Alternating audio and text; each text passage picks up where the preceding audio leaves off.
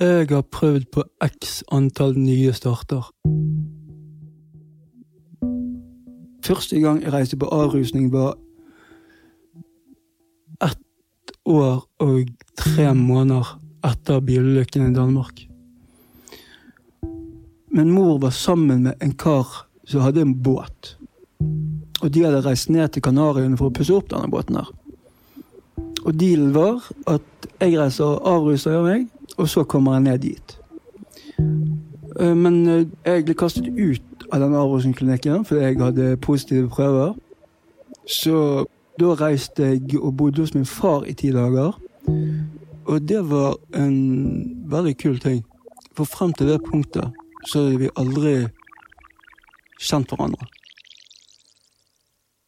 Altså, han var faren min, og jeg var sønnen hans, men det var en avstand mellom oss.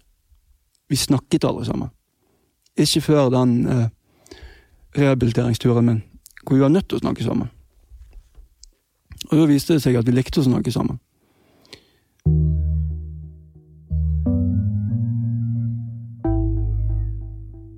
Vi hadde mange mye av de samme popkulturelle referansene, og eh, ja Han hadde jo en viss forståelse for hva jeg gikk gjennom siden jeg har hatt sine demoner med alkohol. Så.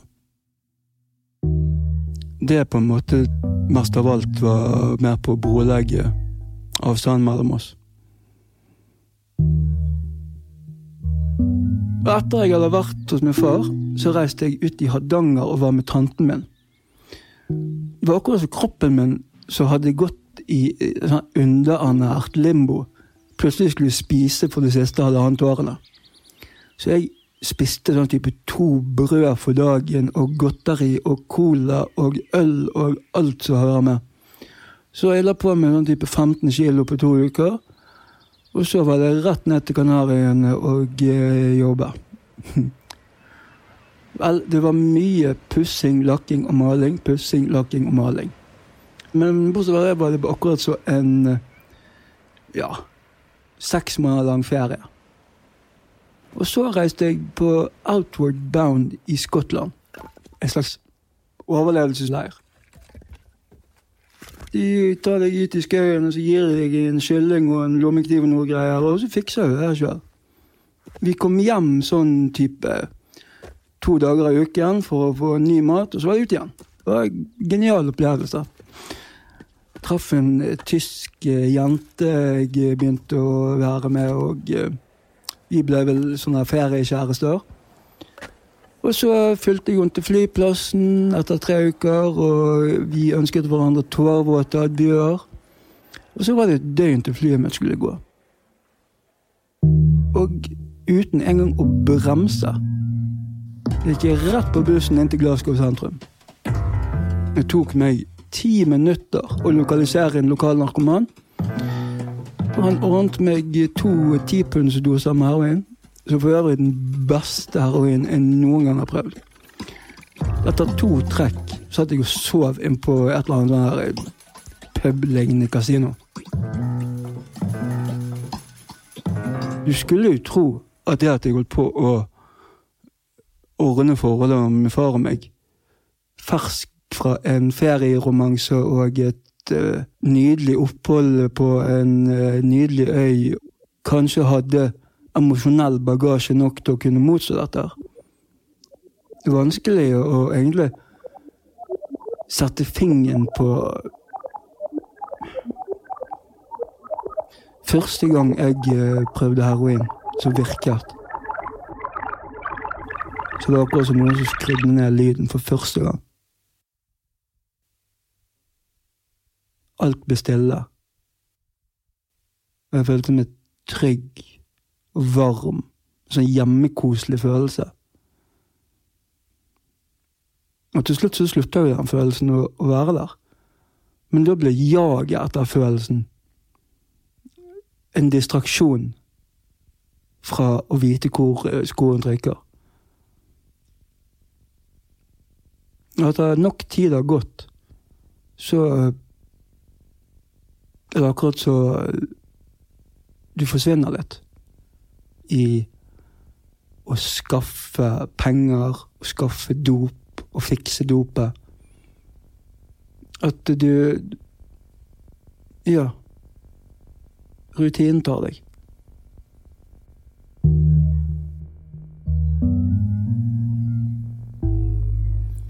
Min mor kommer og besøker meg hver uke. Hun er egentlig den eneste som aldri på en måte har eh, gitt helt opp. Det har vært en velsignelse.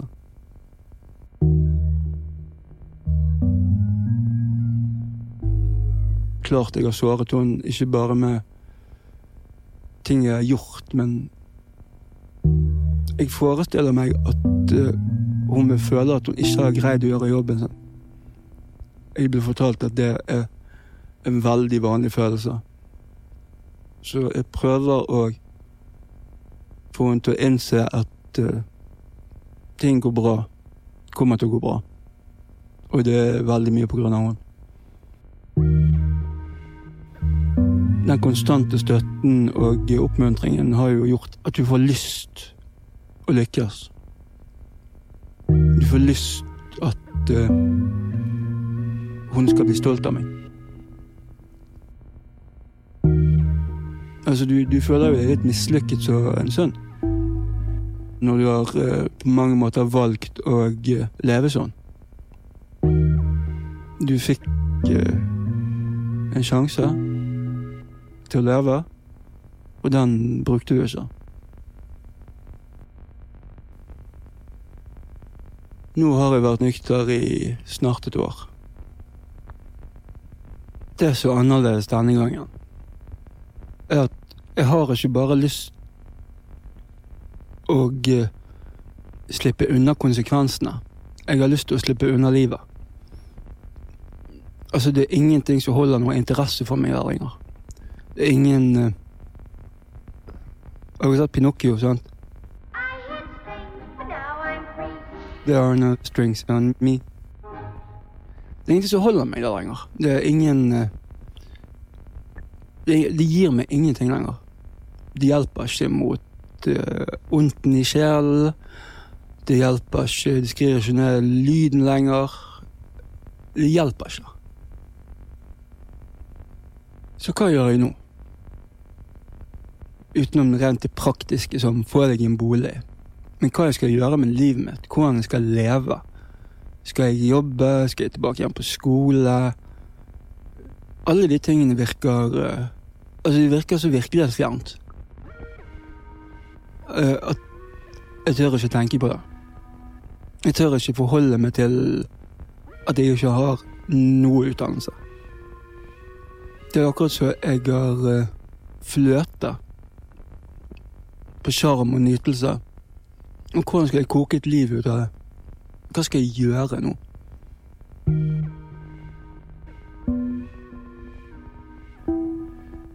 Stikke hodet i sanden som struts og håpe at løvene går forbi. Jeg trenger et uh, mirakel. En reddende engel. Eller masse, masse, masse, masse, masse penger.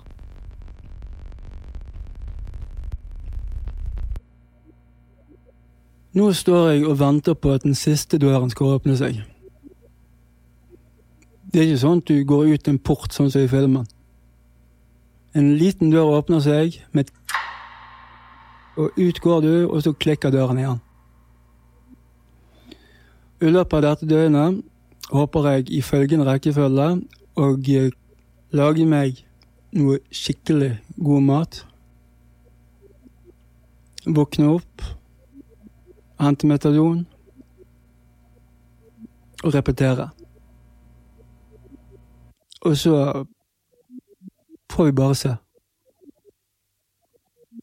om dette faktisk er en ny begynnelse. Eller bare en fortsettelse av eh, historien.